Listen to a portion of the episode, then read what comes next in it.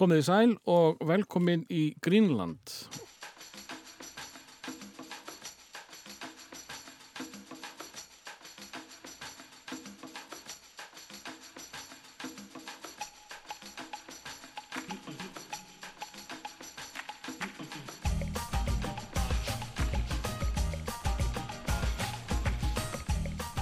Í dag ætlum við að ræða málin við Snjólaugu Lúðugsdóttur.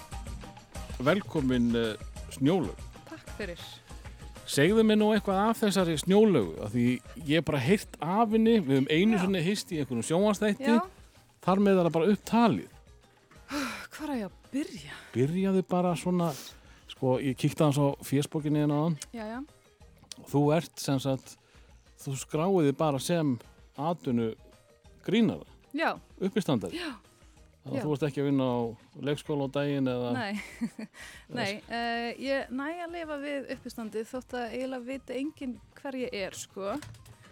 Uh, Ég er nú aðeins að íkjaða það, sko, en allt í góðu. Þú veist, ég er ekkert, ekkert nafn, sko, eða þannig, uh, en það er eitthvað, eitthvað word of mouth. Ég næ að, ég er að skemmta mig mikið á ástíðum og í veislum og, og eitthvað þannig. Svo er ég líka að skrifa handrit, ég er líka handritshöfundur. Fyrir, Uh, bara sem verðtæki, er núna hjá Sagafilm og Trúnorð.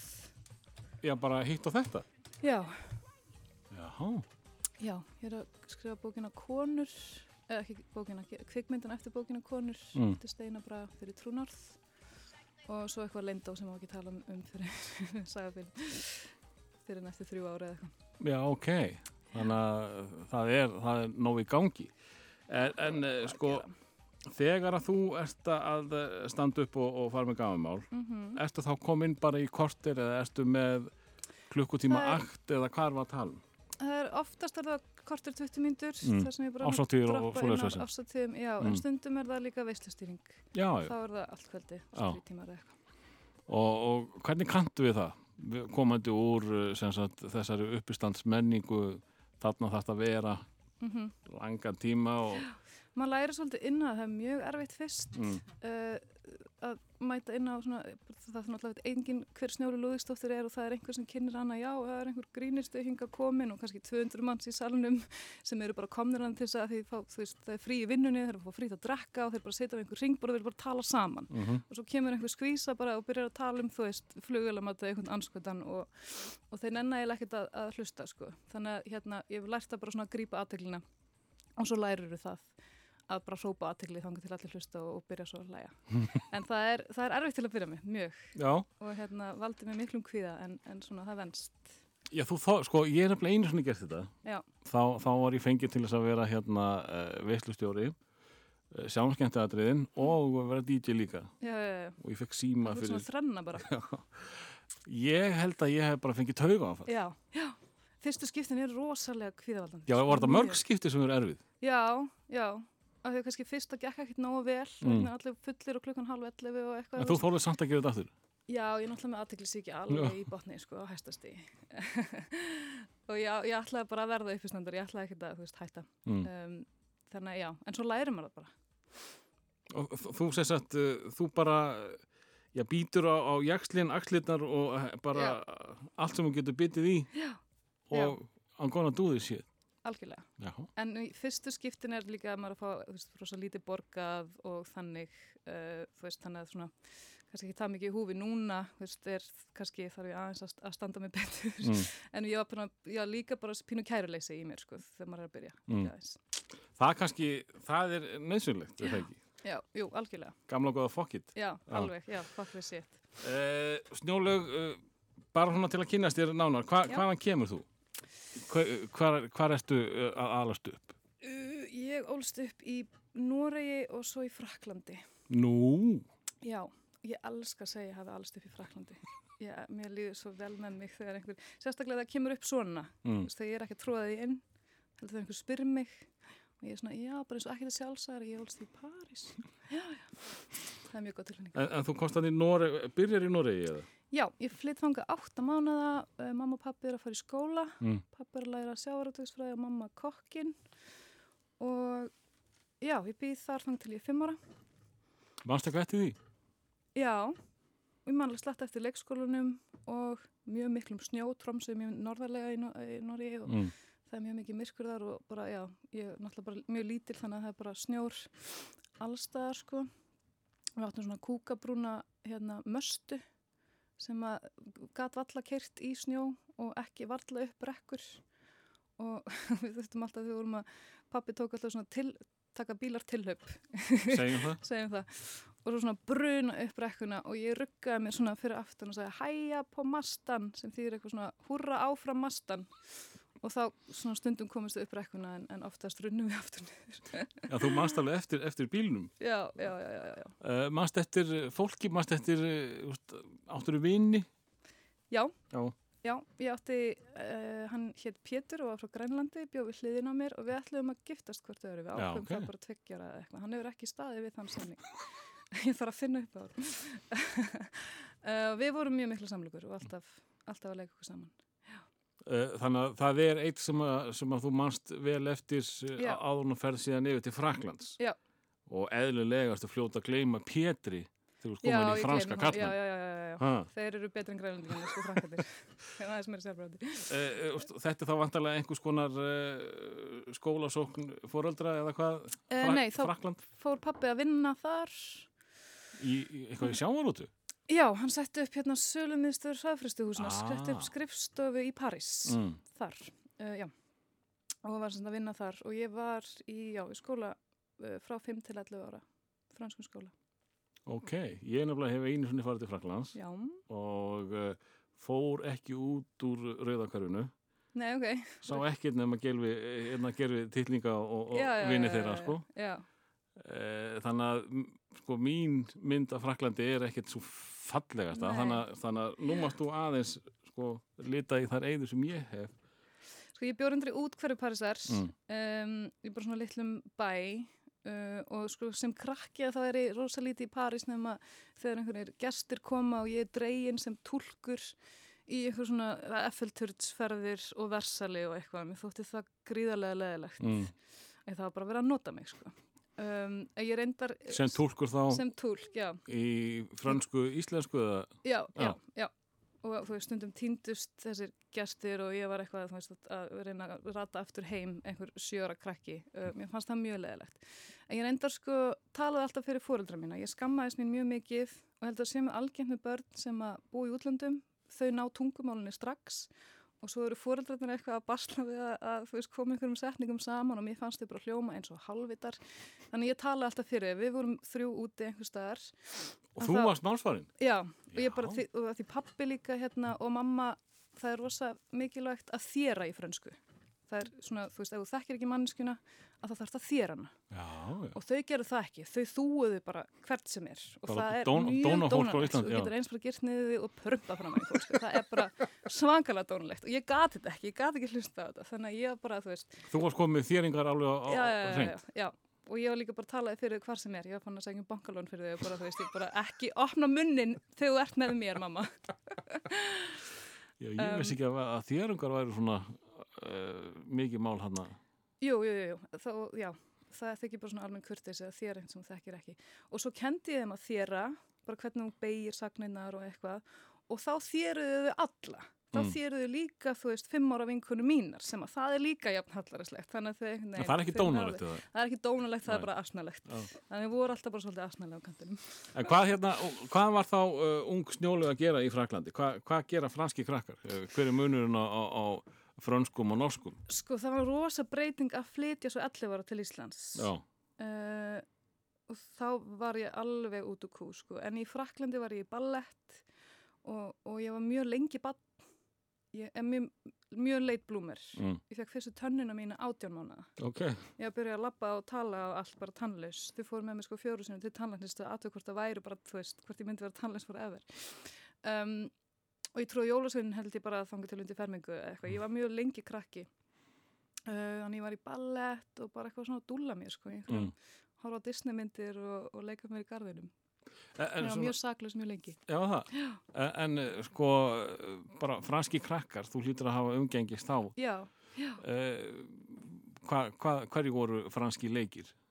Eitthvað svo mannst eftir? Ég var rosa mikið snú, snú Mm. uh, og uh, bara svona hjóla og eitthvað og það var ymmit. Mest í munun því ég flytt svo 11 ára til Íslands. Ég man ég mæti beint í sjöundabekk og er í svona rósóttri úlpu sem ég valdi sérstaklega og svona bleikum rósóttum buksum og mæti finnst ég ógislega fín og á Íslandi, þú veist, þar eru allir miklu meira cool. Þar voru allar cool stelpunar bara í Adidas, þú veist, svona blái, hann að smellubuksunum Mm. og öllu því og bara Adidas skóm og allir í bara svona körfubolta og handbolta og yfir og svona mikið aksjón, sko. Og, og þá, þá var ég alveg, alveg út kú og, og hérna uh, var bara mjög asnaleg og ég var látin spila körfubolta í fyrstu fríminútunum og ég tók bara boltan, það var engi bolta, enga bolta íþróttur í Fraklandi, engi leikfum, ekkert sund, engar saumar, engin, engin smíði Ha? Nei, það var bara verið að læra bara um Napolúan eða Mhm. eitthvað allan daginn, ég maður ekki. Og ég tek fæ köruboltan, veit ekkert hvað ég að gera þannig ég held í hann og hleyp með hann öskrandi, þvert yfir völlin og kasta svo í körfuna og skora og allir krakkanir eru bara hvaða fábjáni er komin hérna inn í bekkinu okkar. en ég náði samt einhvern veginn að því ég var bara það hispursleis og sakleis, ég fór ekki vera meðvitið um sjálfa mig sem manneskjöld, ég finn ég svona 13-14 ára eða eitthvað þegar ég skotin í fyrsta stráknum að ég náði einhvern veginn að, að eignast fullt af vinum bara því ég var bara mjög blátt áfram og, og einhvern veginn bara einhver trúður sko. Mm. Já. Eh, sko, mér finnst þú svolítið að vera að flýja Frakland Já, eh, að því, sko, við vitum hvernig Íslensk börn haga já, sér. já, já, Eh, þetta til dæmis kemur pínlega og varst að, að það er bara engin eh, líkamsrækt ef ég morða þannig, Nei, leikfimi það var ekki, í ekki mínum skóla, nei það var einhver einu sinni í mánuð einhver, þú veist, hóp í, Ekki eða- út að hlaupa eða neitt. ekki neitt, nei, Já. Það er bara hugurinn sem gildir held ég í, í fransku mentakerfi Já, og þú læri kantal, er það ekki strax sex ára sem þú byrjar að smaka til kvítun og raut? Jú, Já. já. það er svona, jú, uppur kannski 7-8 en það var ekki á mínu íslenska heimili þá drukku börn ekki, ekki vín með matnum Mm. En hjá frönskum vinkunum mínum og þá hérna voru þær svona að smakka bara svona eitt sopa hjá, hjá fóruldunum sínum og þetta passa með þessu kjöti og þetta passa með þessum fisk. Og, Í alvörunni? Já, já. Kannski ekki alveg, ekki alveg sex ára en Nei. svona, jú, svona níu, tíu ára þá og þá þekktu sumar vinkunum mínar, þú veist, rauðvinstegundir og ostategundir og, og það er náttúrulega rosalega kemur og frúurnar og eitthvað svona? já, já, Já. sem ég hafði náttúrulega bara ekki hunds vaskats vita á, sko. En það er áhuga. Eh, þetta er náttúrulega virðist bara vera í blóðinu hjá, hjá eh, frökkum. Eh, það er meira brennivinn í okkar blóði. já, já, já, hafður einhvern áhuga að... nei, Nei, nei, og hef ekki enn þann dag í dag, sko. nei. það, það að gefa mér dýrt vín er, veist, það er bara að henda peningunum gluggan, sko, ég, ég bara drekka allt en engan mun að neinu þótt ég hafi alls upp í frækundi sem er mjög Nákvæmlega. sko, úst, þessi, þessi frönsku uppvakstar ár, sko, er þetta ekkert fáguð kona, snjólu? Er þetta ekki þessi fága, fágaða típ? sko, vini, mér finnst það ekki vini mín segir ég sé stundum fröns, hvernig ég kannski svona klæði mér og klæði mig og haga mér og, og eitthvað þannig, ég get alveg verið óttalega fín með mig stundum, en ég er samt íslensku sveitadurgur Mér, sko. e- ertu, þá, ertu þá með franska hrókan eða, eða bara svona elegant? já, ég myndi segja ég væri bara svakalega elegant Mm. ég, ég get verið það ef ég, ef ég tek mig á, ef ég tek mig til Mm þá get ég verið það um, já, það, jú, það blundar einhver smá frakki í mér líka sko. jú, örgulega einhver hróki þegar mér gengur rosa vel eftir uppistand þá get ég verið alveg ótrúlega, bara alveg óþalandur hrókafull sko. Já, ok. um, en uh, já, ég reyna að fara ánga líka mjög oft Til Frakland? já, Já. Já, reyna að fara árlega heimsækjuvinni og, og sambandi frönskunni við gamla vinni frá þessum tíma? Já, besta vinkonu mín bjó beint á móti mér uh, og við höfum haldið sambandi og já, ég verið með uppistand á frönsku. Já, ertu ennþá góð í fransku? Já. Ertu ég fín í þéringum og... Já, já, já, já, ég þér á réttum stöðum og þú á, á réttum stöðum. Jú, ég með, jú, jú, alveg. Ég hef haldið líka mjög mikið við, lesið og, og hlustað á lög og já, svona. Og var það opið uppistandi eða var það fyrir íslenska félagið eða...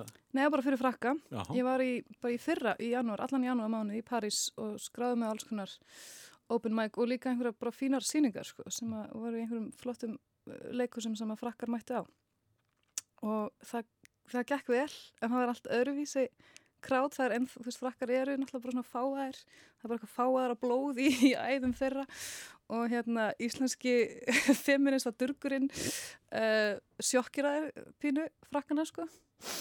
Uh, það sem að við tölum um hérna sem að mér finnst sjálfsagt bara einhverju, þú veist, píkubrandarar eða þú veist, whatever þykir ekki alveg jafn fínt þarna, sko þeir voru bara, no, no, no, no.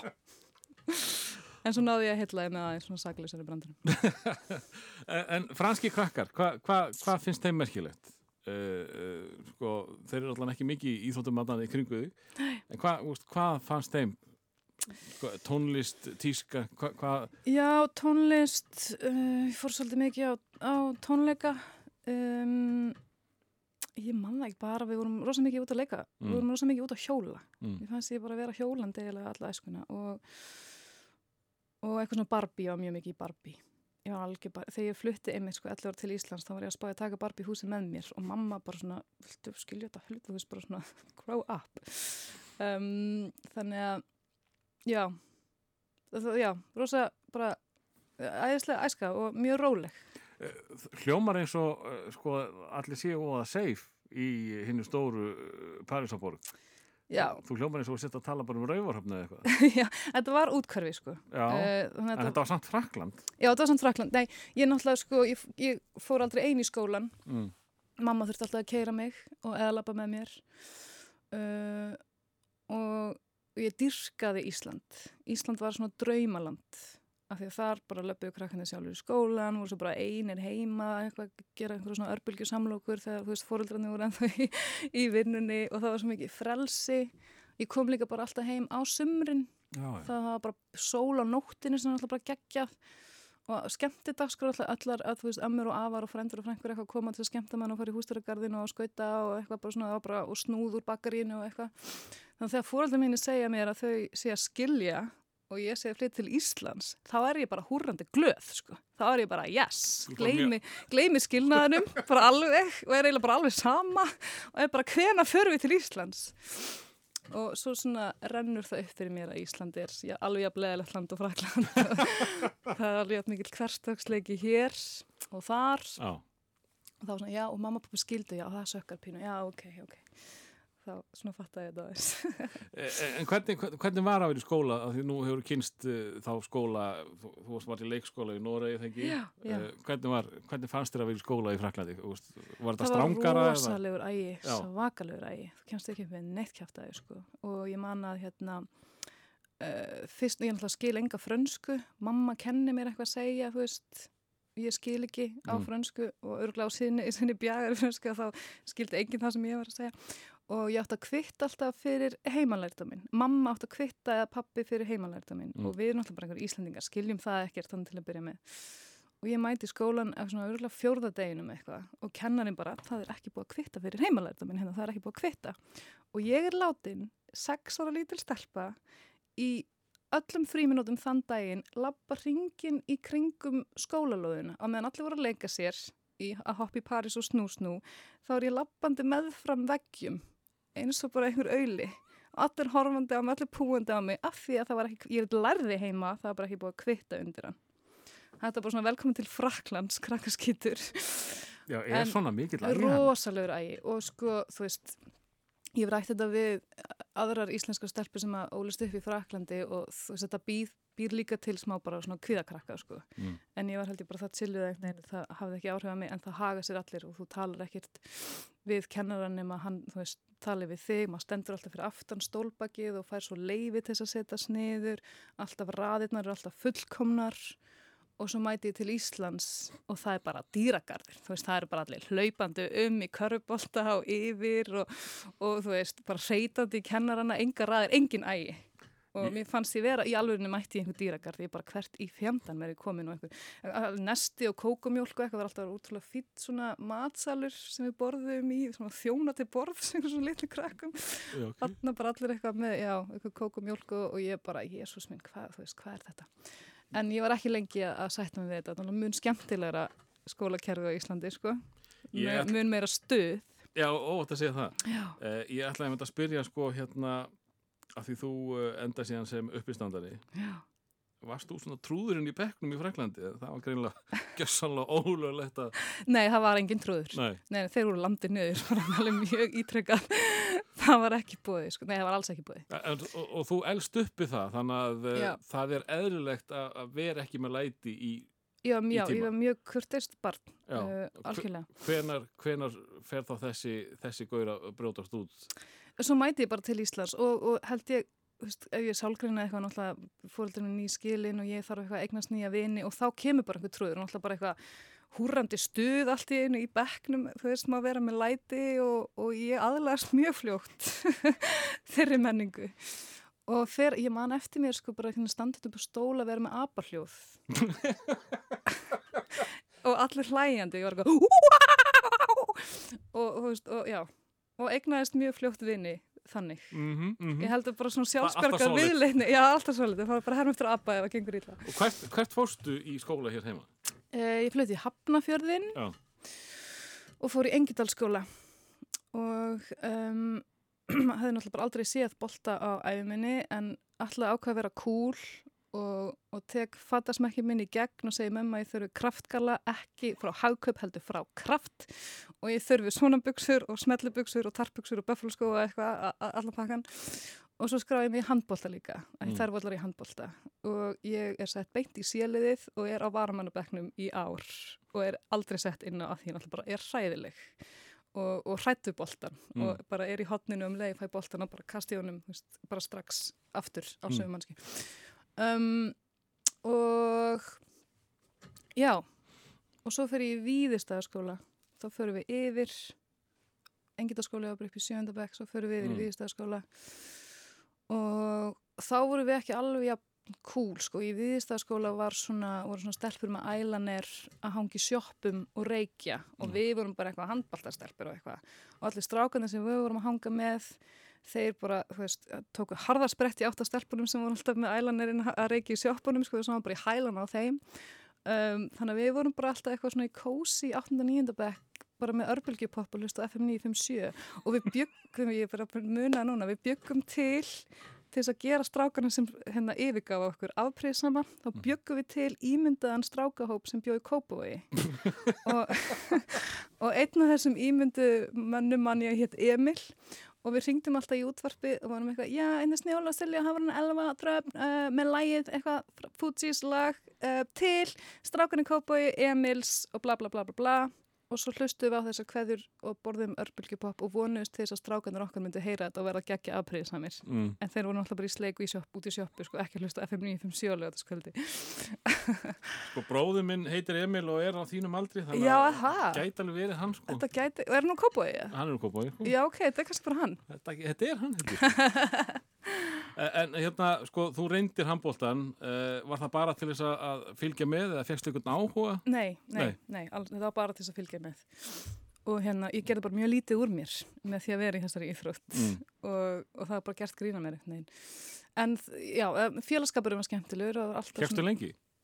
Nei, ég eitt og halvt á svo gráðbaði með minn um, um að fá að hætta mm. og þá fór ég jazzballett og ég var jafnléleg þar ég var alltaf aftast að öllum síningum og það var svona borgarleikursýningar og alltaf náttúrulega fjölskyldan mætt og þú veist, þau sáum mig alltaf því ég var bara fyrir aftan svona fimm aðra stelpur eða eitthvað. Og ég var alltaf svona að reyna að lauma mér svona millegra þannig að ég myndi alltaf hann að sjá mig.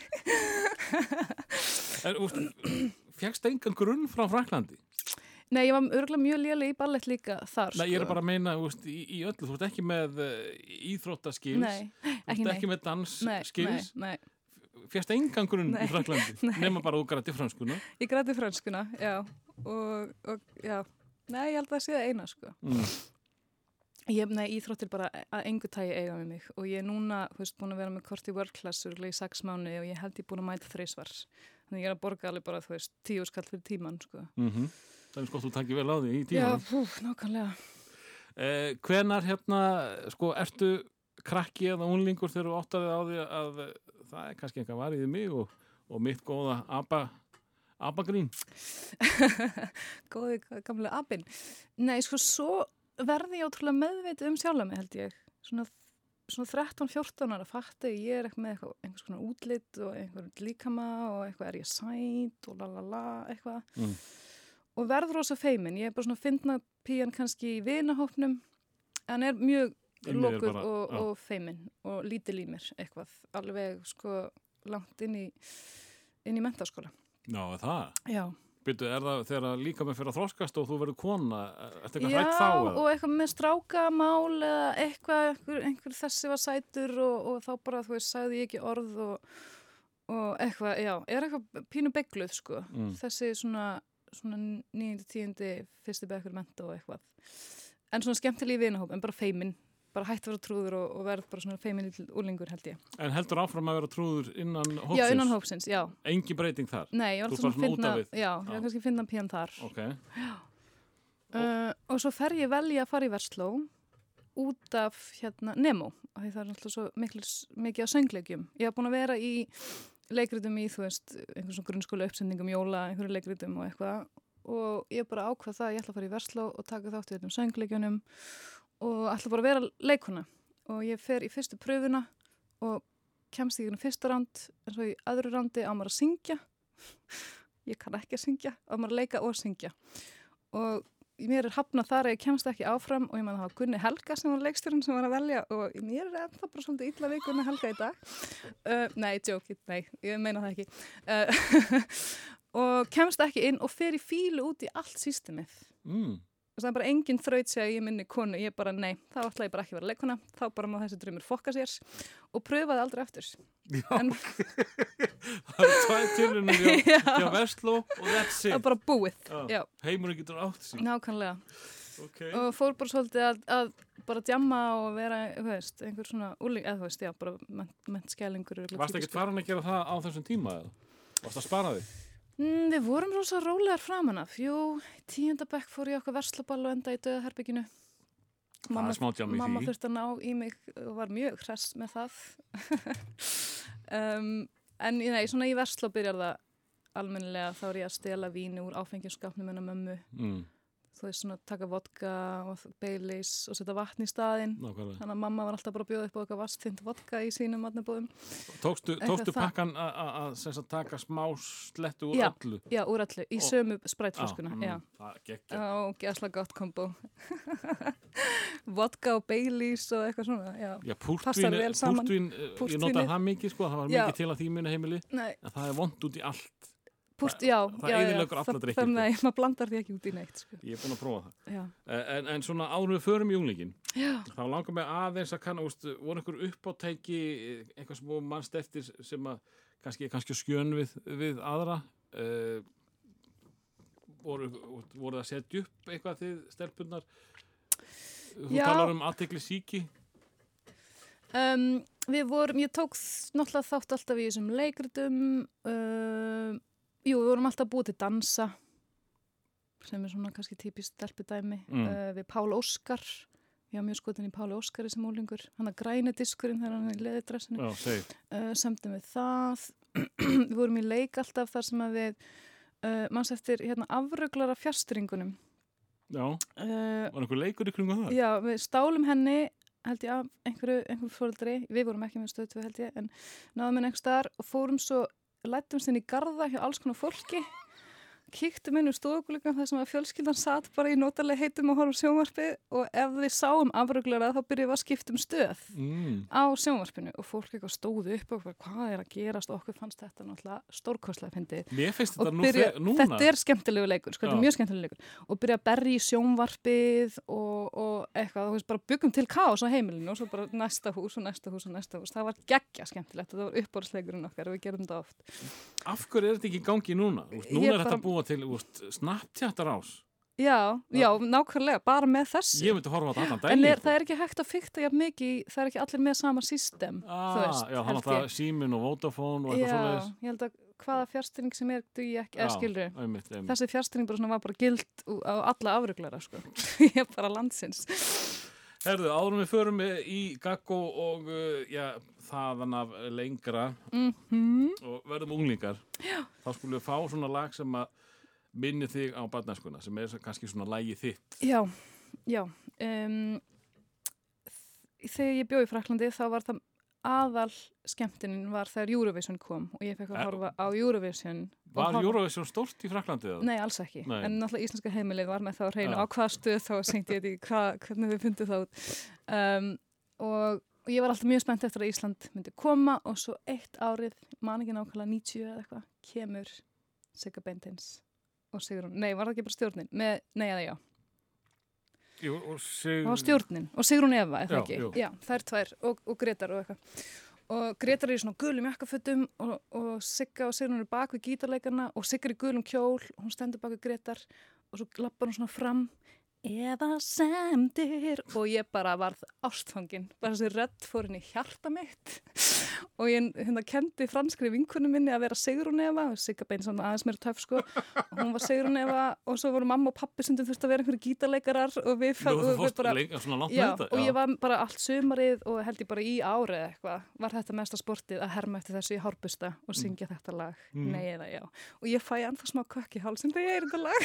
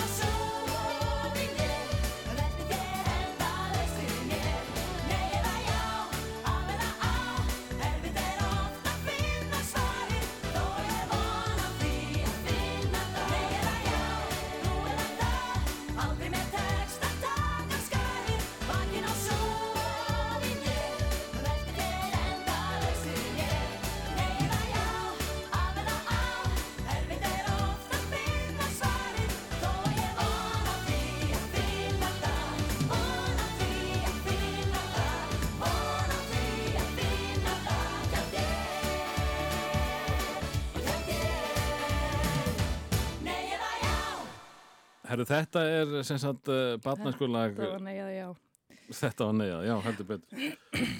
Og uh, ég ánægði með að þú fjast sem sagt fóraldarna líka til að leika svona auðmíkjastadista. já, nokkulega Fekk ekki einn svona Nú stóðu mikrofón. bara kur, nei, nei, nei, nei, ég var náttúrulega stjarnan sko. Já, og fransku vinkonaðin fekk að vera sigur. já, já, Engin sérstakur Gretar. Var það Mm, bara pappi kannski? já, Gretar var nei, og svo var hinn gítarleikarin sem ég veit ekkert hver er Ah, Gretar, já, það var kannski pappi eða mamma eitthvað svona Mm. hinn gítarleikarin var bara, þú veist, lampi eða eitthvað, það skipti engum máli Herru, þú ert komin heim, þú uh, hérna kemur til Hafnafjörðar og, og, Mhm. og uh, hefur þína íslensku þeysirið þar. Uh, hvað sagður, viðstæðaskóli, Viðstæðarskóli Hafnafjörði, já. uh, það er sem sagt, það er gaggóðin þinn Já, já, og, og þú ert þar þarna til að þú fer í Vestló eða eitthvað. Já. Uh, nú, ég tala við einhverja stelpur einmitt uh, sem að voru þar og þá svolítið mikið um að þær voru DJ-ar og voru svona svolítið ábyrrandi í uh, skólunum þegar að þær voru þar. Já. Svo Magga Gauja og Beta Rock og eitthvað gælu. já, Magga Gauð er aðeins eldri, ég held ég hef ekki náð henni, uh, en hún var aðal píjan í Hafnafjörði, sko, og er, held ég, ennþá. en hvern, hvernig var þetta þegar þú varst þarna? Uh, ég, eitthvað, ég var eitthvað ótrúlega róleg framan að, sko. Mm. Uh, já, en jú, jú, ég tók alveg að það var eitthvað svona opin hús, vitin, var, já, mjög virk í vitanum, það var alltaf eitthvað svona, ég mæta í einhverju strópljósi og, og dansa við Damon Albarn eða eitthvað, blör um, en já, ég var frekar ég var frekar tilið mm. uh, já, ég byrjaði að virkilega taka því fyrir var í Vesla Þannig að já, þú varst, það er svona djamlega séð Já. svona, já. varstu, varstu svona ljúfur krakki og uh, já, unglingur framan af? Já, já, nei, nei, svo varði ég alveg svo byrjaði ég að djama alveg af, af mikillir hörku í Vesla sko. Já, uh, en ég hef alltaf verið góður nefnd ég hef svona komist upp með að uh, læra ekkert en taka svo bókinu plastinu tveimdum fyrir próf og, og fá alltaf góðar einhvernir það fram hefur dugað. Já. þannig að svo lengi sem einhverna voru fínar og ég var ekki eitthvað anskotast út um alltaf þá, já, já, var ég heldur bara Þú talar um að setja Tónlist. leit blúmer þannig að, að þú varst kannski bara krakki lengur ég var með krakki svolítið lengi, já, lengur en margir aðri. já, já og allar vinkunum minnar byrjaði í sleik og, og svo að sofa hjá þegar koma því löngu undan mér, sko. Ég dröslaðist með meitofum minn alveg bara alla, alla verslugönguna, bara í bara fyrsta, annað, þriða, fjórabæk, sko. Já, Já, en meðan að þær voru að hugsa um sleik og, og svoleiðis, mhm. hva, hvað varst þú að pæla? Ég var, ég var bara eitthvað, ég, ég, ég veit það ekki, ég var alltaf með þeim í þessu en ég var bara eitthvað feiminn í strákumálum. Þú hefur alveg verið til, þú varst, þetta Já, var bara meiri já. femni og eitthvað. Þetta var bara svona feimni, já, það bara Mm. slöknaði á mér um leið og einhver sæti strákur lappaði inn og það bara fór mín bara í klassu. Varstu, varstu unglingaveik? Mm, nei, ég held, nei, ég held ekki. Þú hefur ekkert farið tekið frekar- Metallica tímabil? Nei, guð mig góður, nei, nei, nei, nei, nei, ekkert, ekkert döður okkur, ekkert þannig. Það var bara, uh, að blör var svona kannski það harðasta sem ég hlusta á, sem er ekki mjög hart. En, en hvernig var heimilislífið? Þú fer heim með mömmuðinni, pappin verður áfram úti eða hvað? Hann er eftir úti í, í tvö ár af því hann er að vinna þar, svo kemur hann heim, uh, flytið til Þorlókshafnar, takk fyrir, og Já. er yfir einhverju hérna, versmið þar. Og ég fer þanga, þá var smá gelgi í mér því ég þurfti að fara til Þorlókshafnar um Mm, pappa var helskar. töff. Það var ekki. Nei, Það var einhver glutu sjoppa þar sem voru einhver glataðarúlingar að hanga í og það var bara ekkert stuð. Um, þannig ég fekk líka svolítið að komast upp með að mæta ekki, sko. Mm. Og sískinn mín fóru bara Áttu mikið að sískinum? Mm, já, núna er náttúrulega ég bara stóra flókna uh, nútíma fjölskyldu, fullt af sískinum og eitthvað. Uh, já, við erum, um, ég held ég í sjö eða eitthvað, svona fóstur og uppeldis og alls konar. Og hálfum og eitthvað Já, svona? Já. Ok. Eh, en eh, sko, a- alast upp með, með eh, mömmu, hvað voru þið mörg í heiminn? Þá voru við fjögur, ég, mamma og, og tvö yngri sískinni mín. Uh, og já, og svo kom, þá voru það bara, þá týðkast bara að vera á pappahelgum einhvern veginn. Mm. það var ekki komin þetta vik og vika þann, eða þú veist, það var ekki algengt sko. Uh, þannig að það voru pappahelgar en, en pappi var alltaf mjög mikið inn í, inn í lífinu hann var ekkert svona, hann stakk ekkert að neitt þannig og hefur alltaf, alltaf verið til staðar sko. um, Var þetta ekki strempið þá þessi tvö ár sem hann var erlendis? jú, það var, það var svolítið erfitt Mm. en hann var duglegur að koma og við fórum út líka mikið uh, já og svo giftir mamma sig aftur og já, ég fekk fóstu pappa sem algjör snillingur og, og börn með honum Já. og, og pappi eh, eignaði sýstu mína líka og, og ég fekk já, líka bróður þar og bara svona fullt af fólki og, og það er allir vinir, mér finnst það pínu dásanlega sko. ég pínu bara að fóröldra mín hafi skilið af því að ég fekk alveg bara svona fullt af bónusfólki sko. Erst þú elst eða? já, ég er elst, Já. Já, Þannig að þú stjórnar svolítið kórnum hann. já, já, já, já, ég er samt minnst, ég er elst og minnst, þau eru rosalega hávaksin þannig ég er pínu búin að missa svona uh, pínu, ég er, já ég Þú ert ekki sann, þannig að Nei, ég veit það. Þau eru bara risar, já, já, já. Pappi minn er mjög hafvaksin Já. uh, og já, þetta er bara 1,80 og yfir, sko. Ég, já, ég er ekki róðið þau, sko. Fyrir utan hérna abahljóðin góðum. Já. Hvenar, hérna, ertu farin að, að vinna eitthvað með unlingagrín? Uh, sko, margir af þeim sem ég tala við tóku mjög snemma eftir því að, að eh, það ætti léttara eldur en kannski margir aðrir að láta fólk fara að hlæja þó að það Já. ekki unnin eitt í því Mhm. fyrir löngu síðar. Já, já, ég, ég var alveg Tókst þú þannig. eftir þessu? Já, uh, uh, svona trúðurinn í, í svona hóp sem ég leiði vel í. Mm. Ég var ekkit, ef ég var í einhverju veislega sem ég þekkti ekki marga, gæti ég ekki verið eitthvað að sína mig. En uh, ég man að við fórum til Köpen í þreip ekki menta og í svona Nordjob dæmi, fengum vinnu í Burger King uh, og það var ekki nóg gott fyrir okkur þannig að við segjum þeim að fokka sér og urðum herbergisþernur. Ég var versta herbergisþerna sem að hefur nokkuð tíma þekst ég leit stundu bara svona yfir rúmið ef það var ekki mikið að hárum í þeim eða neitt að þá bara bjó ég aftur um. Þannig að þeim ég hafa það í huga þegar ég gist á næsta hóteli. Ég hef þetta mjög oft í huga. Og bara svona dustaði svona skaphára af baðkarinu skilur og þú veist, var eiginlega ekkert að þrýfa og já, mjög stolt af mér þar. Um, en þá uh, byrjaði ég að skrifa dagbækur og var einmitt að gera grína í hvað ég væri liðlega herbergisterna og eitthvað. Og skrifa bara svona hverjum degi og svo las ég það upp fyrir þær, vinkunum mínar og þær lágu í kasti. Og Mm. það var og það var auðvitað svona fyrsta uppistand setti mitt þannig að það hafi verið í dagbóku formi uh, þannig já, ég átti alltaf svolítið auðvelt með, með grín Varstu þá að reyna ára fyndin í þessum Já, var færslum? ég að reyna, já. Já. Og ég hérna, og maður handskrifa sko, ég átt krassa yfir og reyf út, þetta er ekki nógu vel mynduð setning, ég ætla að mynda hana svona, var alveg svona rosa mikið að spá í hvernig getur mynda setningu þannig að væri fyndið. Þú ætlar að leifa fólki að heyra þetta. Já, já, já, já, já.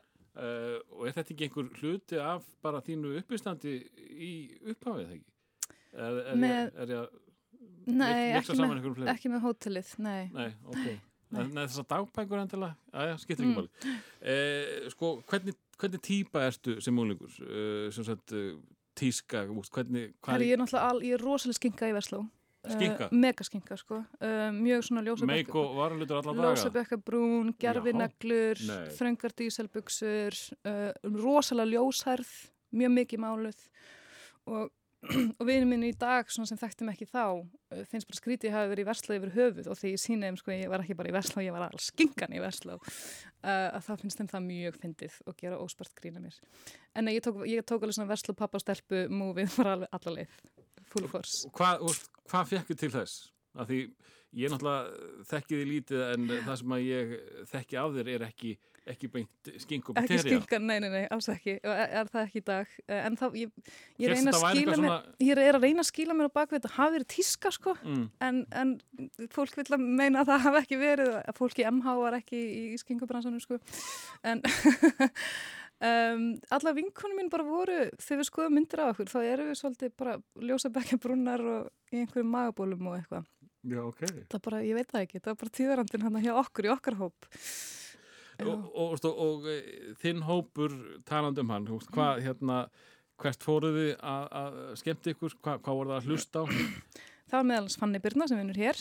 Um, hún var í mínu vinkonahóp Mm. uh, og fleiri. Við vorum svolítið að vinna með hann að Sólón Íslandus prikið. Já, þegar mikið- sólun var það að heitast það. Já, Já. já. Og heita ekki húsmálarans á einhverju tímabili. Já, undan sólun heldur. Já. Já. Já. Uh, mjög mikið á prikinu. Þekktum dýraverðina þar og, og mættum þar eins og einhverja drollur bara við erum fimm og bara beint upp á efri hæðina. Og var þetta orðin svona hip-hop staður þá? Já, hann þótti kúl, Mm. já, já.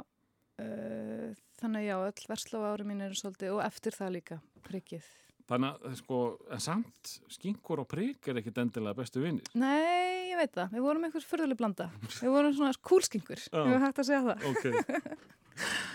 en uh, hérna, þú kemur inn á það að þú, að þú hérna átt, uh, þú, þú uh, fer seint að- komast í sleik með strákunum. Já.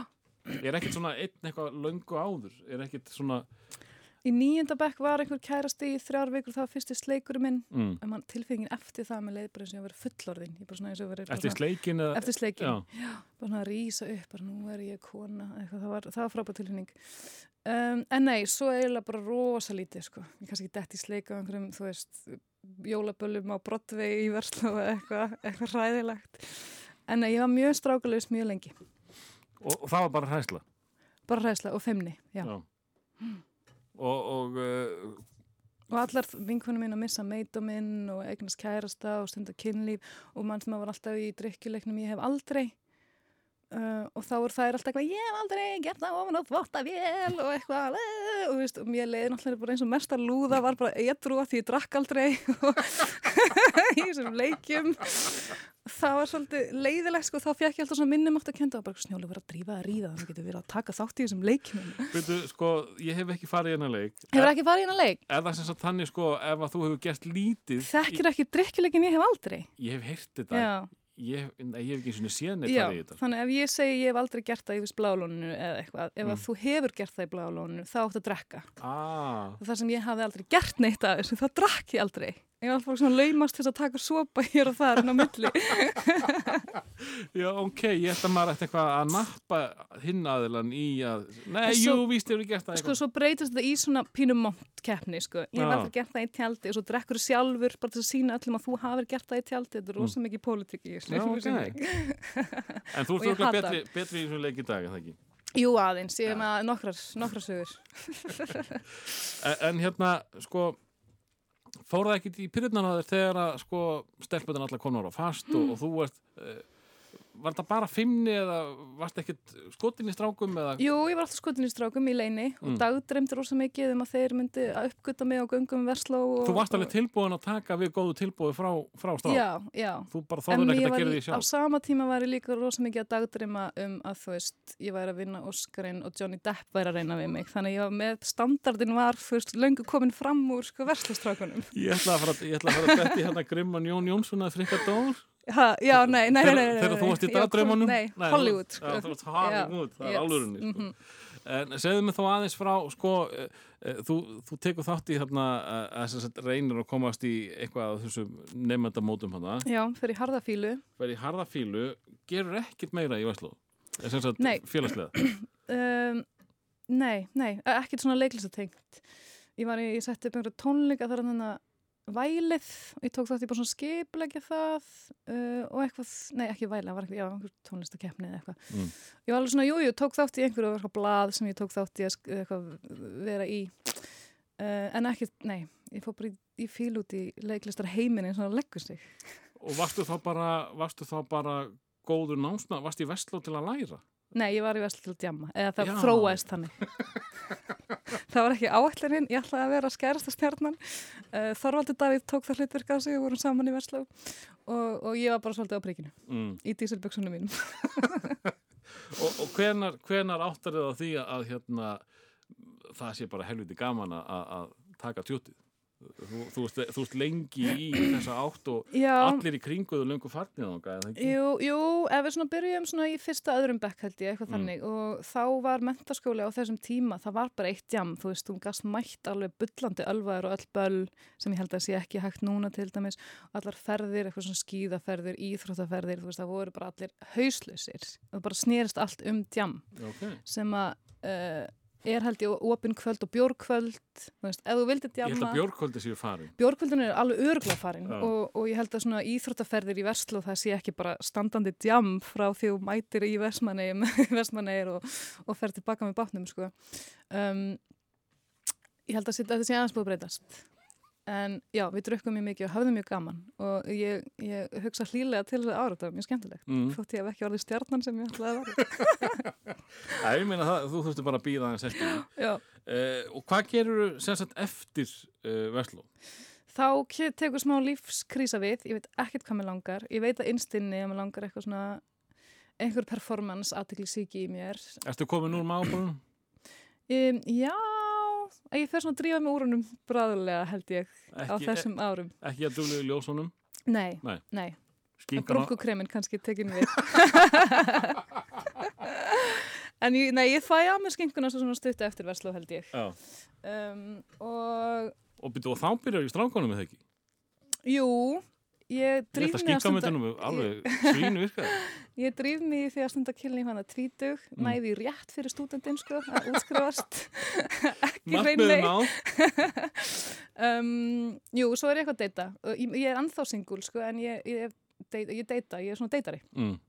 uh, Þú veist, já, sing, singul í dag. Já, já, Ok. já Ég er ennþá þessi fimmna litla 16 ára Já, já. um, Nei, nei, en ég tekið mig eitthvað aðeins á í því um, En já, svo kemur einhver svona krísa, þú veist, svona 2021 hvað ég gera við lífið mitt hvað ég að læra um, og ég fer og pappi var svolítið harður á því að, að hérna, að ég ætti að fara í háskólan ná mér í bíapróf og svo geti ég bara gert hvað anskuta sem er Mm. en bara ná sér í bíapróf eitthvað uh, styrkja Meðan þú ert þetta unga, hvað? Var, var það hluti af kröfunum? ég var með eitthvað svona, mér langar út Mm. og bla bla bla, eitthvað, uh, vissi samt ekkert í minn haus.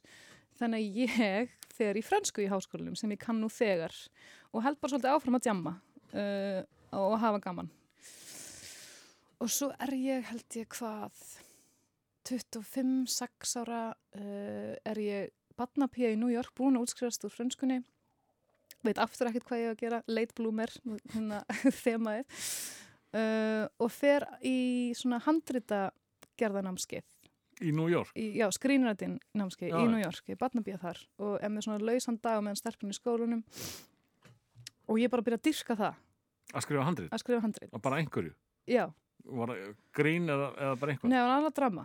Uh, ég fer reyndar, er ég að ljúga þér. Ég var að spóla eins og hrætt yfir. Ég er í frönskunni, fer ég í stúndarleikusið uh, og Hlín Agnars var að Það er við erum komin alltaf langt fram úr okkur maður. Já. Þú ert ánum 25 ára og við erum ekki búin að fá úlingalega. Oh my god.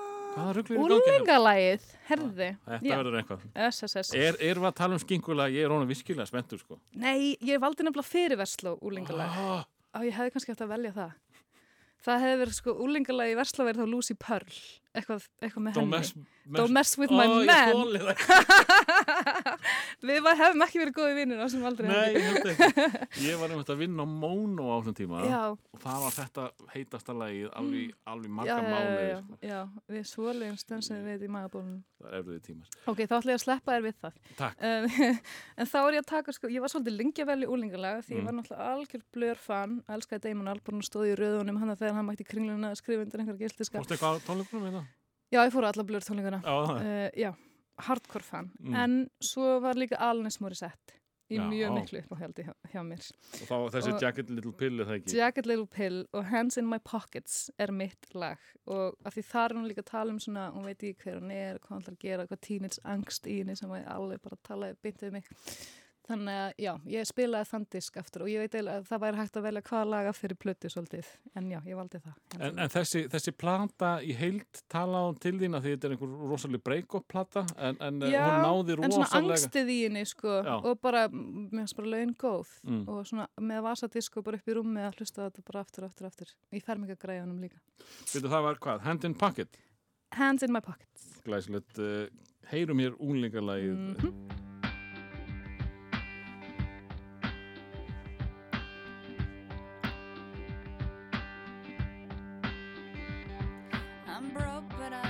happy. I'm poor, but I'm kind. I'm short, but I'm healthy. Yeah. I'm high, but I'm grounded. I'm sane,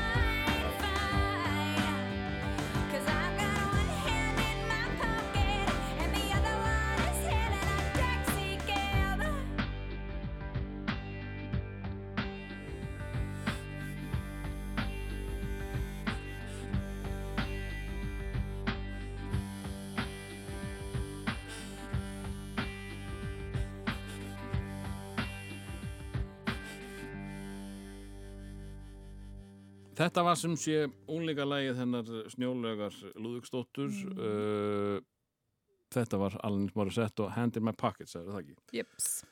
Nú með við fara aftur í villisuna og Já, við komin? leikið okkur með aldur eins og vilt Já, já. Þú varst komin til New York er New Nei, þú varst York. eiginlega komin Já, ég, var farin tilbaka. Já. Ég spólaði aðeins tilbaka. ég fór í stúdunarleikusið, uh, fannst það æðislegt. Hvað er það? Um, það er í bara hásk sem að háskólinni með uh, fá alltaf leikstjóra, alveg flotta leikstjóra, Hlín Agnarsson leikstjóra mér til dæmis. Og meðan að þú varst í frönskunni Já, meðan ég var frá franskunni. Og, og margir leikarar byrja í stúdunarleikusið svolítið. mm. og ég held að þú getur líka svindlar þótt þú sett ekki í háskólanum en um, og, og stóð mér svona ágætlega og nein, náði einhverju fínu hlutverki og fannst þetta bara geggja gaman Og varst að ákvað- leika? Já, ég var leika, já, og ákvað uh, og örgulega þarna kemur franski hrókin í, í mér að ég bara ætla beint í, í LHI í, á leiklistabreyt fer í pröfur og tek hérna Lady Macbeth Mm. senu þar sem að hún er hágrátandi að reyna að þúa af sér eitthvað blóð af því hún er með eitthvað morð á saminskunni ég hef náttúrulega bara átt að taka eitthvað grín en ég tek eitthvað há bara þú veist, dra mestu dramasenu sem er til í leikritaheiminum og gera það náttúrulega bara hræðilega. Held að ég sé að gera það rosa vel en bara eitthvað nýg niður að gráta í þykjustinni og þurka mann hendunar bara this blood Á ennsku? Nei, Nei, ok. Já, nei, þetta blóð nei, ég má það ekki, var það ennsku nei, það Mér finnst það eiginlega bara meira að fyndi sko. það, það lítur að vera búið að þýða yfir í íslensku allavega þeir voru ekki impressed og ég komst ekki inn. Komst ekki inn í gegnum fyrsta? Ekki einu svona fyrsta ránd sko. Þeir voru bara nei, við viljum aldrei sjá þessum mann og, og ég er náttúrulega bara fyrir aftur í fílu og ég er kannski pínu fransku hrókaföldi og um, fer til New York að vera barnapía og fer þar í handrita screenwriting eitthvað námskeið. Og finnst það geggjað. Byrju, þá hérna má ég aðeins staldra við. Já. Eh, Þá hlýtu pappi hafa uh, séð þig útskrifast úr háskólanum. Já, ég náðu að skrifast í, úr franskunni Já, þannig að hann hleyfti þér í, Já, í barnapíustarf hann er svona ok, þú mátt taka þér ásfri en hvað er svo planið samt sem áður sko. Nú, en þá erfiður Já, já, þú veist bara svona hvað ætlar að gera við lífið þitt svolítið, af því ég vissi það heldur ekkert. Ég var ekki frönskurinn til þess að vera frönsku kennari eða þú veist, ég var bara í frönskuna því ég kunni frönsku og það var bara ógslag auðvelt fyrir mig. Og var pappa alveg að kaupa það? Já, bara svo lengi sem ég fengi bíapróf. Já, ok Ég væri með eitthvað svona skýrtinu upp og ég væri mentuð. Um, en nei, svo aftur tók við bara eitthvað algjört fyririldarskeið. Og hvað gerum við á fyrireldaskeiði? Áður nú fer til New York. Já. Geðu mér aðeins svona hugmyndir af því hvað varst að vinna, hvað varst að hugsa, hvað varst að sýsla. Hvað, ég var alltaf að vinna okkur bara svona veitingastöðum. Mm. Uh, var vesti þjóttni heimi á, á þeim Af Veit- hverju, veist, úst, af hverju veitingastöðum. er svona mikið um það að uh, fólk sem er uh, í allan að fram á skóla gengið og þú þarna líka með háskólagráðu mm og fer alltaf í eitthvað svona. Mikið um það, þetta er svo gamla góða fólki þarna í, í New York sem er eða, eða bara í bandaríkunum sem er að, reyna að koma að staði í einhverjum, einhverjum Já, kvikmyndum. já, já. Það fer, Ég held að sé líka bara svona skuldbindingin, hræðsla við að vera ekki að fara í nýju, fimm vinnu, mm, bara passar ekki við held ég karakterin, að marga karakterir sem eru svona listatýpur, mm, að þú getur bara svona verið að hoppa inn, vinna þarna á í mánuð, svona inn og út svolítið. já, engin karýr. Já, Já. Að því innstinni vilt eitthvað annað, sko. En ég var samt líka í, ég líkði reyndar, um, eftir franskuna fór ég að vinna hjá Vodafone í þjónustuverinu. Já. Það var mjög skemmtilegt, það var mjög hérna... Byrja það ekki fyrir okkur til að kvarta á eitthvað? Jú, ringdu töðandi viðskiptavinnun inn og eitthvað, ég er ekki með mikla ríka þjónustulund. Uh, ég var kannski ekkit góður starfskraftur en, en það var gott félagslíf. Já, ok. Vodafone kemur mjög vel fram við starfsfólki sitt, kemur fram við starfsfólki sitt eins og í síðurunni viðskiptavinnum vilja halda í lengi og hafa mikið sömu bjóða bjóð eitthvað til útlanda og eitthvað, en jú, félagslíf var mjög skemmtilegt Mm. og bara svona krakkar á mínum aldrei eitthvað, einhverju þjónustu verið að tala við einhverja fúla kalla og kettlingar. Mm Um, já, þannig jú, ég var svolítið í Vodafone þannig í ár eftir frönskuna og fer svo í screenwriting. Aha. Það var sem bara svona stutt námskeið og þarna bara kviknar eitthvað bara, já, ok, ég ætla bara að vera handriðsöfundur. Þetta leiklista drasl hefur aldrei vi- vi- virkað í þessu tvö skipti sem ég hef reynda. Þannig að, hérna, en þú veist, eitthvað svona í mér vildi, já, ég byrja bara að skrifa, ég byrja alltaf að skrifa drama, alltaf eitthvað Mm. drama, drama, drama. Uh, og skráði mig í screenwriting skóla í London, handrita gerð master, Mm. þannig ég gæti nota bíagráðunars pappa í að uh, klína þessu aftan á Hvað sagði hann við þessu? sko hann stutti mig hann stutti mig en ég sá í augunum á Já. og hann var bara, hvað er þetta þetta fara, bara þetta fara að læra þess að verða atvinnulegs forever Mm. basically, bara að læra að sækja um atvinnulegsbætur um, en svo þess að mér gekk að gaman í skólanum og ég bý í London og ég kynnist þar uh, stelpsindi Þóra Hilmarsdóttir sem er leikstjóri og hún var að læra þar líka uh, og við gerum stuttmynd saman í Breitlandi náðum að sapna einhverjum hellingspeningum frá kvikmyndaminstöðu og eitthvað, einhverjum Evropasjóði, við vorum alveg með 5 miljónir til þess að gera uh, stuttmynd í Breitlandi og, og eitthvað og það var ógislega gaman. En svo klára ég námið um, og fatta þá, já það er kannski ekki mikil, veist, það er ekki auðvelt að komast inn í uh, kvikmyndabransan, ekki í London og ekki á Íslandi þar sem eru búin Það- til fjóra myndir árið eitthvað. Það var planið að, fara að skrifa handrita Já. kvikmyndum. Og TV. Mm. um, já og kem heim 29 ára bara yfir jól alla vinkunum mínar einhvern veginn, þú veist. Ég er alltaf með við vinkunum mínar. Uh, það, voru hættir að ríða og bara byrjaði að gifta sig og, og eitthvað. Mm. uh, nei, eignast börn á hús og eitthvað svona og ég bara, jésús minn, ég er með eitthvað rándýrt handrita gerðar nám á öxlunum sem ég veit ekkert hvað ég ætla að gera við. Og er pínu tínt og hlusta á viðtal þá í þessu hugurástandi við um, uppistandara Breskan sem heitir Sara Millikan, ég veit ekki hvort þú veit hvað hún er var frá Newcastle já, Mm. svona Jordi hérna Mhm. hreim, ógeðslega fyndin uh, viðtal við hana, þá hafði ég hort mjög mikið á uppistand en aldrei tala ég væri mannskinn í það af því að ég, mér fannst uppistandarar eins og þeir væru ótrúlega svona stórkustlega svona öryggir og, og svona félagslega hæf mm. og klár og bara mist allt sitt á hreinu komst mjög fljótlega að því að það er alls ekki raunin, þetta er bara lítil titrandi blóm. En ég var með þessa ímynd eitthvað að því að með Ísland að byrja eða eitthvað svona Íslandi. Og þar lýsir hún því að hún var 29 ára nýskilin í einhverju krísu uh, og skráir sig í einhverju uppistandskeppni og gengur vel og verður uppistandur eftir það og ég er bara eitthvað, eitthvað í mér og þessu viðtali hennar tengdi, uh, ég tengdi bara við það þannig ég fer að googla uppistands eitthvað Byrju, og er, er farin að kvikna einhver áhugi? Hmm, þetta gæti Nei, bara eftir, eða sko, ég hef, uh, YouTube er mjög mikið uppistand. Svona upp í rúmi með tölun á maganum. Ertu þá að pæla ég ætti að fara í þetta bara Nei, ég áhuga bara áhugin. Já, Já, ekki aldrei að ég Nei. ætti heima þar. En rosalegur áhugi Mm. og einhvern veginn, já, sérstaklega um konu þá eða? Mjög mikið á konur. Sara Já. Silverman er eiginlega svona einu helsta heitja mín. Um, og einn bara allir, Louise ekki bara allir í sér, kannski ekki að nefna hann akkurat. En um, var allir, að, já, hlustaði mjög mikið uppstand. Skrái mig og byrja að skrifa. Ég Í hvað? í skráði mig á einhverja uppistandskeppni Hérna heima eða? nei, úti, Já. ég var bara heima yfir jólin að vinna, ég hafa bóka hérna, útgafi hjá frenda mínum og skráði mig uh, í keppni sem heitir Laughing Horse sem var þá í janúar og ég hef einhverja þrjár vikur til þess að undirbúa mig og bara byrja að skrifa og byrja að gera grín að því hversu eitthvað asnaleg ég er að vera 29 ára og ekki með neitt, þú veist, engar, engar framtíða möguleika var eitthvað svona að gera grína í og æfði mig fyrir vinkunum mínar og sýstu mína og eitthvað og þær hlóu og eitthvað ég bjóð til alveg bara svona gott fimminótna frekar þétt, æfði þetta og vann virkilega mikið í því og Það hlóu ekki bara kurteisis. Nei, Það- uh, ég valdi góður vinkonu sem ég, ég þekki munun á kurtisis Já. og, og alvöru hlátri og, hérna, og mótaði svolítið svona eftir því Mm. Og, mæt, og mér fannst bara tilöksunni líka um að gera uppstand í London þar sem ég þekkti einhvern veginn engan í salnum var, var góð. En, en, en tilhugsun að, sko þetta er nýr karriér og Mm. byrja á, á útlensku. Já, ég hafði hort svo rosalega mikið á uppstand á ennsku þannig að mér fannst Ertu alveg jafn góð í ennsku og íslensku? Já, já, ég er mjög góð í tungumálum. Mm. Uh, alltaf líka í skóla miklu betri tungumálum en starfsræði þannig þannig Mm. ég er alveg tungumála pínu mannskja. Þannig að þetta var aldrei neitt eitthvað sem að uh, var eitthvað challenge fyrir Það háði mér aldrei, Nei. ennskan nei, nei, nei, það var ekkert mál. Um, að gera uppistand var Mm. mál, en, en enski parturinn að ég ekkert svo mikið. Og svo gerir ég reynda mistök að segja vinkonu minni sem býr í London íslenskri frá þessu og hún bara húrar með sér einhverjum 30 manns þannig að þessi, þetta stress um að þekki engan í salnum var það veruleik. Og ég mæti, fer með uppistandi er mjög stressuð, næstu því hætt við, því það var fullur salur og eitthvað 15 keppindur og eitthvað. En það gengur frábærlega, bara gengur ógeðslega vel og ég vinn þessa keppni. Er komin Er þetta aftur. svona dagskeppni eða? Þetta var bara eitthvað eitt kvöld, Já. Laughing Horse, uh, já, sem er eitthvað svona stórt batteri. í- velun eða eitthvað? Nei, ekki einu sinni, bara til hamingju.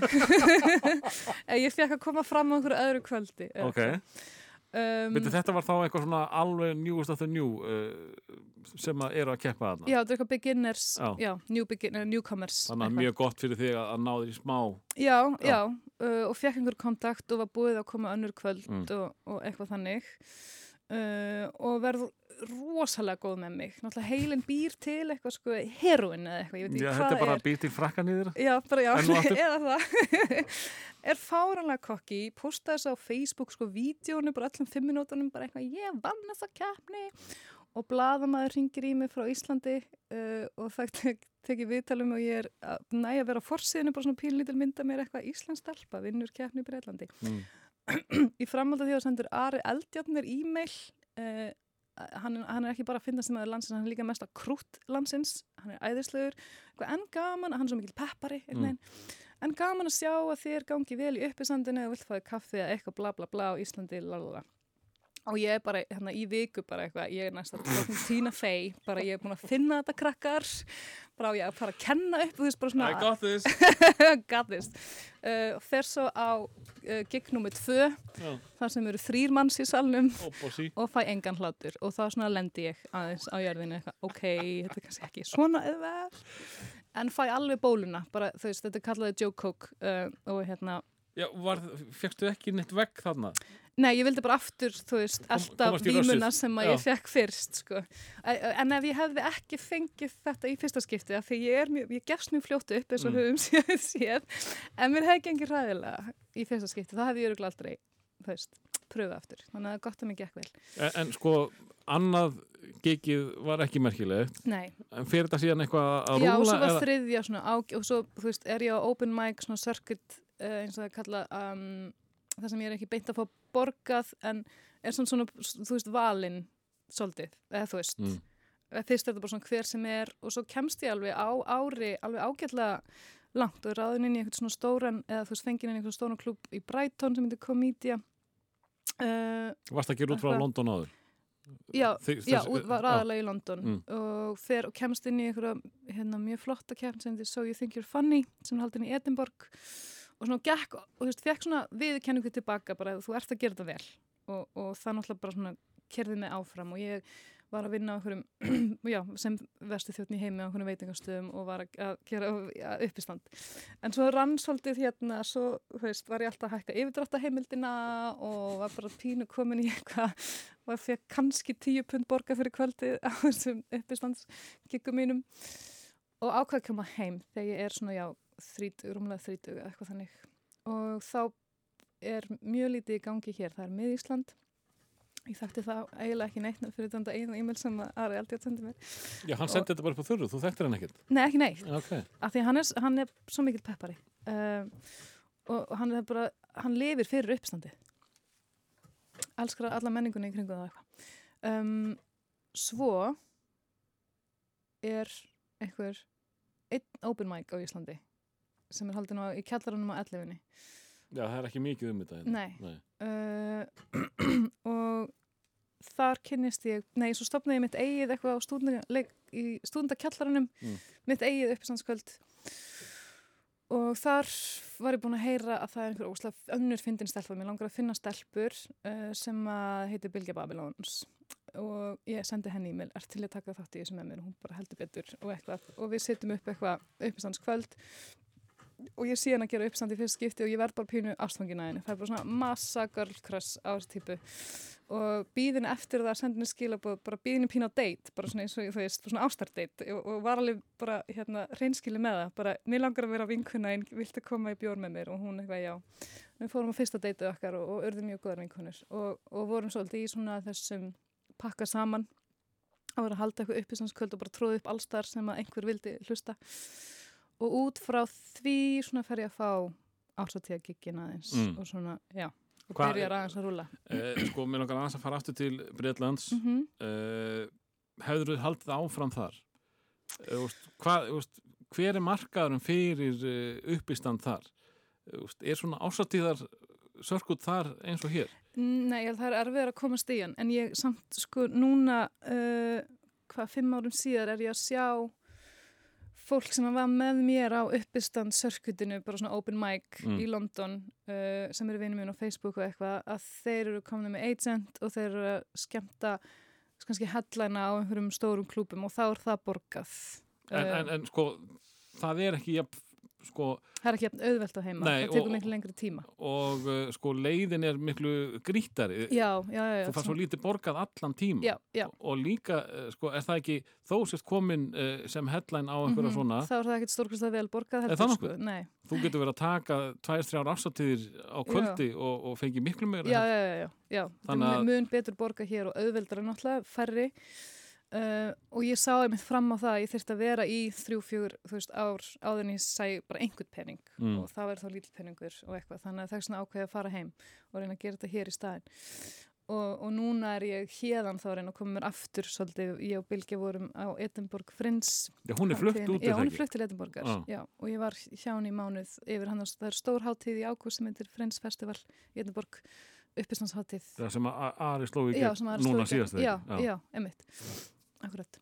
Um, já, þannig ég ákvað að fara þessa leið byrja heima þar sem að ég gæti svona búið frítt hjá fóröldurum í einhvern smá tíma og eitthvað aðeins og neitt að borga niður yfir drátt heimildina og eitthvað. Mm.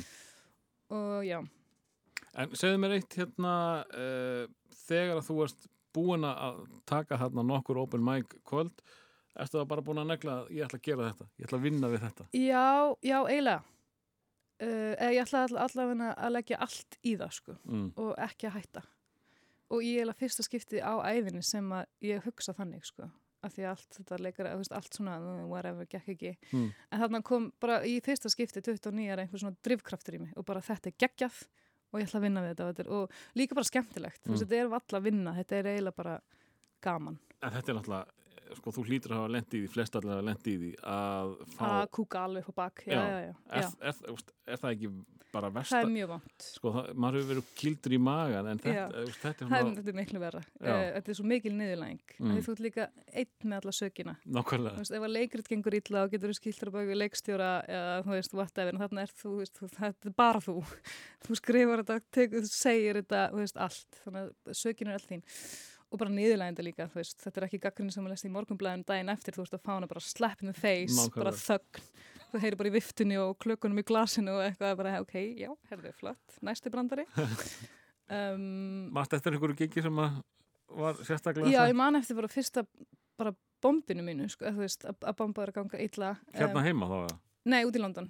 þegar þessi þrýr voru þú veist, það, það var svolítið hægt að skella því á bara að það voru bara þrýr salnum, Já. en, en svona fyrsta uh, virkilega bombið mig, það, það er alveg fullur salur og öllum á undan hefur gengið vel. mm. Þetta var rosa svart og hvítt, bara þú ert hræðileg. já, var, já, var stemming í Já, salnum stemming í salnum og og ég mæti náttúrulega bara, já, ok, þetta er góð salur, allar fór hlátur og eitthvað og bara, ég, ég veit ekki, ég er að segja sumum brandar og mér hafi gengið vel kvöldinu áður með bara eitthvað, ég veit ekki, eitthvað í mér virkaði ekki. Mm. Ég bara náði ekki að sjármera þig á svona, maður hefur kannski svona 20 sekundir til þess að náða með sitt band og eitthvað og það er bara dauða þögn í 5 minútur og það er einmitt þetta með klakan, ég heyrði bara svona fólk er að bara svona klik, klik, klik, klik og viftan, það var eitthvað svona loftræsting í gangi, það heyrðist bara í henni og svo var ég svo þurr í munninum og tunga mig og fann að festast upp í góminn og bara ég fekk svo mikið í maðan og þetta var ræðileg tilfinning, bara kaldur sviti fór bara heim og í fóstuðstellinguna gráta hún í vodkaflösku sko. þetta var bara alveg hvað ertu skjálfilegt hvað ertu leikja jafnaði? hvernig ertu klára áttur? Ég, ég YouTubeaði það eitthvað, how to hérna, deal with bombing eitthvað. Og, eh, og, og eh, meira segja enn þann dag í dag, en það gerist ekki jafn oft sem betur fyrr uh, þá er ég án, kannski aðeins betur í performi en ef að mér finnst að ganga ekki eins vel og ég vil að þá er ég með eitt svona go-to vídeo af Amy Schumer þar sem hún lýsir sínu fyrsta svona hræðilegu, reynslu um, og lýsir nákvæmlega þessu þar sem hún var sko í Central Park fyrir fram 5.000 manns og það var bara döðaþögn og hún lýsir einmitt þessu þurr í munnunum og bara, bara allir í niðurlæginguna eitthvað og það er líka, ok, ef Amy Schumer gengur í gegnum þetta, þannig að hún hjálpa mér alltaf og hjálpaði mér þarna Mm. eftir þetta. og hérna, hvers konar típa erst þú, uh, Bilgja er, er hérna mikið að tala um uh, píkuna já, hún er Og- alltaf píkugjöld. píkum svolítið píkugjörn og, og, og túrmikil Já, mjög, já, já, já, já, já. erst þú, erst þú á, á sama leikvelli?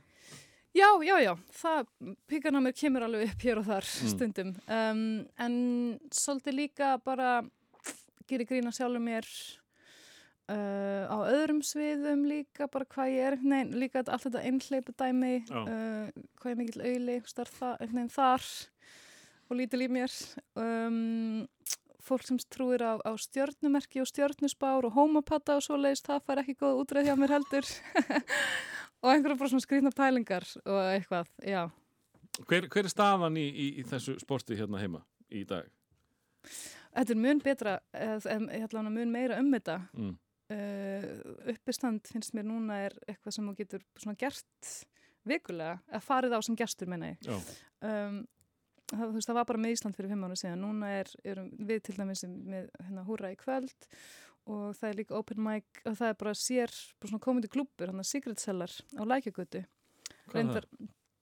Uh, það er hérna, uh, það er bara svona komandi klúpur í kjallarunum þar sem að hva, Græna herbergi var Já, áður. já, já. Uh, og það er svona, kannski svolítið með að túristum það er alltaf ennsku Mm. En, en það er bara hver einstu kvöldi er, er grín þar, gott grín og, og það er bara mjög flott kvöld og svo er líka gauknum alltaf kvöld á á mándum Já, á hverju mánuði? já, Það er líka á ennsku eða ekki? já, já, já. En, En, svona, þannig að þetta er svona eitthvað sem þú getur gert eða, hvað er að gera í kvöld, þú veist, þá er uppi svona valmöguleiki uh, Það er sem það var geggjað. aldrei sko. það er náttúrulega. Já. en, en með konur í gríni? með konur í gríni uh, já Ég, sá, ég, ég séð auðlýsingu, nú er bara alveg búin að gleyma því hverju þar eru. Það voru einhverja þrjár uh, eldri, aðeins yngri og, og Herðu, yngst. einmitt, bara, hvað heitir, bara góðar Já, ég man það ekki. Það er í þjóðlúskjallarinn, já. já. Já, ég ætlaði að mynda að reyna að sjá þær. það, er, úst, það er komið eitthvað úrval af konum í uppistandi. Já, Mm. það, já, eitthvað aðeins meira. Það var bara, það er stelpunar byrjuðu hérna, ég held að það hefur bara kallað sér stelpunar Já, fyrir sko, einhverjum sjö árum. þessar eh, sem að hérna, Það voru Saga og Nadia einmitt, og Magga Mokk. og síðan þessar gerlu sem að fóru í skólan hans Þorsteins Guðmundssonar, eða námskeiðið eða hvað þetta Já, einmitt, já, já. Þann- Þannig að þið eru svona að verða miklu meira ábyrjandi í þessu fægi. Já, algjörlega. Það eru fleiri og fleiri sem er bara gott mál, sko. Uh, og svona fyrst var ég svolítið fengin á svona fyrstu giggin sem ég var að fá borga fyrir uh, var rosa mikið svona, já það er konukvöld hér. Mm. eða það er jafnbreytisvika í fyrirtækinu okkar eða eitthvað svona, þannig að það var bara, bara konukortið einhvern veginn. En, en svo, svo, já en þú veist, manni gengur ágætlega þá kannski rennur það svolítið á manni og, og maður verður ekki bara kvenkins uppistandar heldur bara uppistandari. Útskrifast úr, úr, konu, með konu, úr konukortinu.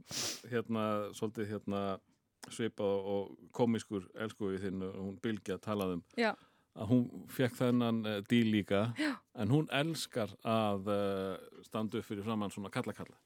já, já, já, já. Að Hún, hún hefur meitt verið með eitthvað gigg fyrir eitthvað bílaverstaði og eitthvað svona Hefur þú ekki fengið svo leið? Nei, ég hef ekki fengið þannig. Nei, Langar því svo leið? ég væri skítrætt við það. Er það? Já, ég hef fengið eitthvað eitt um, eitthvað eitt svona kalla, það sem voru bara kallar og það reyndar gekk alveg vel en þeir, þetta er svona pínu svona krindsllátur hjá þeim, þeir hlæja en svo samt á sama tíma bara, "Ó, hvað er það? hvað ert að tala um kona?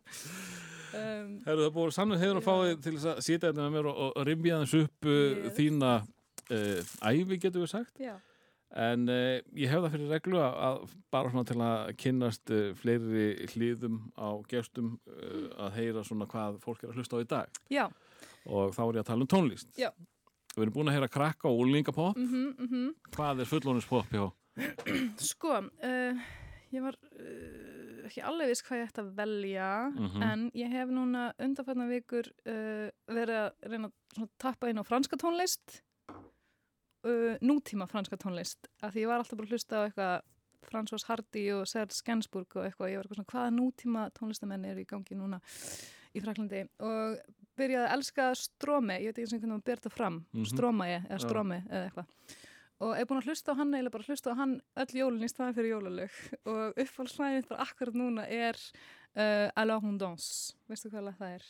Ég kannast bara við nafni, ég held ég Já. heilt eitt tjólu með honum. Ég veit Mhm. að hann er ógeðslega stór í Evrópu. Já. Uh, en uh, hann hefur ekkert náð endilega til Íslands. Nei, ekkert svo mikið Hann, hann, hann rappar bara á á á fransku. bara það frönsku, ekki? já, einmitt. uh, já. Og Það er, er ekkert allir sem eru með húmor fyrir því að nei, nei, það kannski næri ekkert svona langt út fyrir frönskuðu landstyrina eða svona, þetta er svona belgíst og franskt ja, þetta er svona meilandi kannski. Já, og kannski meilandi en mér finnst hann mjög skemmtilegur og hann er bara búin að vera á fónunum hjá mér undanfarnar vikur svo ég ætla að velja það lag Komdu með það aftur? Uh, það heitir Alors on danse, Mm Alors on danse. Þú vilt skrifa það þannig. Ég örugglega segja þannig. Og hann heitir Uh, Stroma E. Stroma E. Jeps. Uh, Snjólaug Lúðugstóttir, takk kærlega fyrir að setja með mér í Takk fyrir mig. Takk. Bye.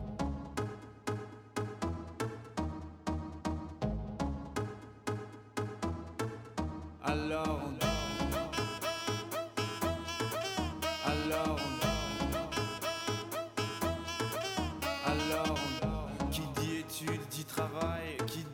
taf te dit les thunes. Qui dit argent dit dépenses. Qui dit crédit dit créance. Qui dit dette te dit huissier. Lui dit assis dans la merde. Qui dit amour dit les gosses. Dit toujours et dit divorce. Qui dit proche te dit deuil Car les problèmes ne viennent pas seuls. Qui dit crise te dit monde. Dit famine dit tiers-monde. Et qui dit fatigue dit réveil.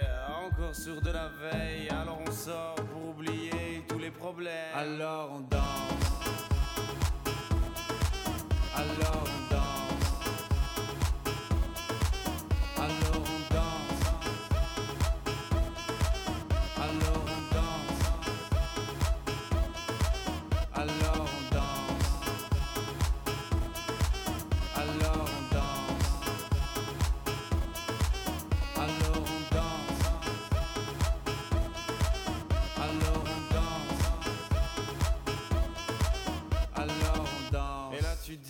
c'est fini, car pire que ça, ce serait la mort. Quand tu crois enfin que tu t'en sors, quand il y en a plus, eh ben y en a encore.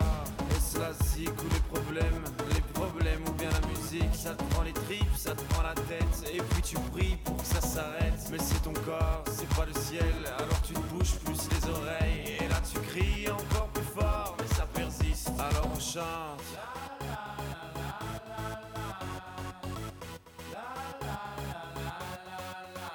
Alors on chante.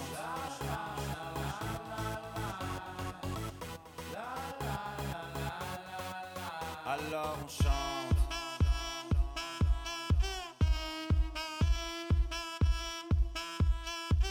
Alors on chante. Et puis seulement quand c'est fini, alors on danse. Alors on danse.